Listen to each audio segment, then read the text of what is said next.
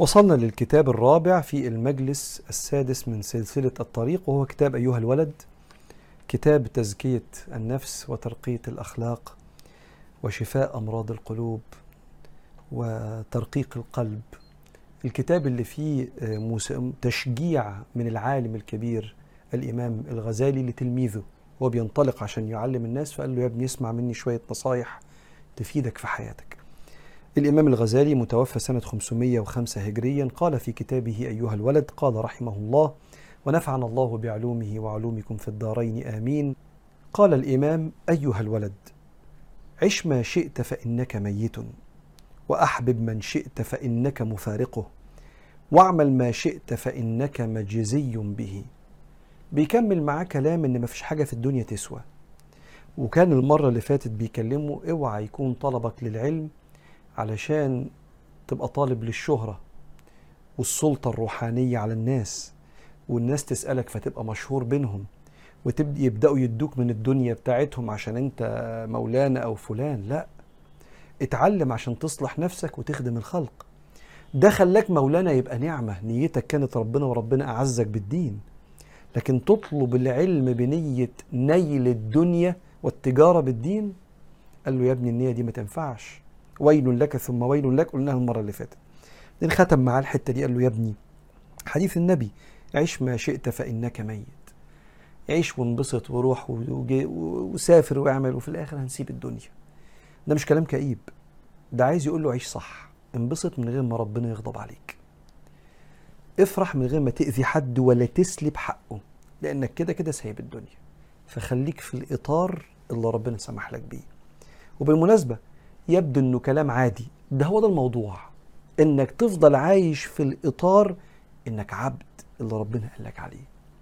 لا تأذي بني آدم ولو أذيته تستسمحه وترجع له حقه ولو تفوت فريضة ولو فوتها توب وترجع لربنا ببساطة.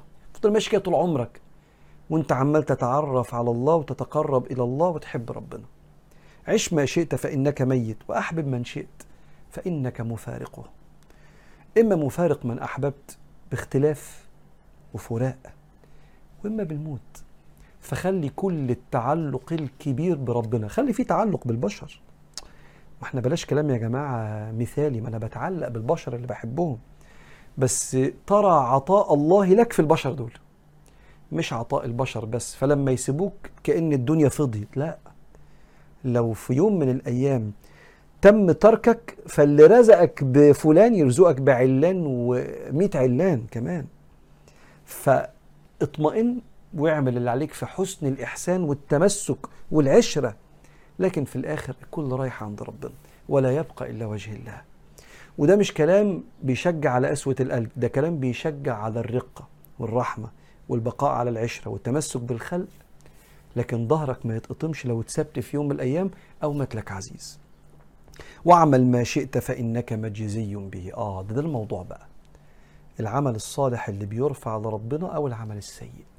كانوا بيقول له يا ابني رتب أولوياتك واظبط تعلقاتك. واعرف إحنا عايشين بنعمل إيه. عارف ترمومتر كده يخلي واحد يقول إيه ده؟ كل يوم الصبح هصحى هعمل إيه؟ هعمل إيه في دنيتي دي؟ أستاذ مخلص بينصح ابنه أو تلميذه. أيها الولد العلم بلا عمل جنون. والعمل بلا علم لا يكون. اتعلم يا ابني بس العلم مش كفاية. ما تبقاش حضير دروس وقارئ الكتب ونيجي نبص في سلوكياتك نلاقيك ما بتعملش حاجة وما فرقتش لا في عبادتك ولا في خدمتك ورحمتك بالخلق ولا في إتقانك للقمه عيشك. العلم بلا عمل جنون. إزاي حد يعرف المعلومات القيمة دي وما يعيش بيها؟ ولا عمل بلا علم لا يكون. إزاي وما يعني أصلي إزاي وأنا مش متعلم سنة النبي؟ أتاجر إزاي وأنا مش فاهم ضوابط التجارة؟ ضوابط التجارة كبروفيشنال كمحترف وضوابط التجارة الحلال. أتجوز إزاي وأنا مش بعرف أعامل الجنس الآخر؟ أخلف إزاي وأنا مش فاهم يعني إيه كوم لحم بربيهم؟ كلهم شعور و... و... و... ونفسية. فقال له يا ابني اتعلم وأعمل اتعلم وأعمل. واعلم أن علما لا يبعدك اليوم عن المعاصي ولا يحملك على الطاعة لن يبعدك غدا عن نار جهنم. وإن لم تعمل اليوم وإذا لم تعمل اليوم ولم تتدارك الأيام الماضية تقول غدا يوم القيامة فارجعنا نعمل صالحا. فيقال يا أحمق أنت من هناك تجيء. لو معلومات حلوة ما خلتكش بتحلل لقمة عيشك بإنك بتشتغل وبتحلل الثمان ساعات دول بإنك تشتغلهم عشان هتقبض عليهم. مش تبقى بتشتغل نص اليوم والنص التاني قاعد حلل لقمة عيشك. العلم قال لك كده.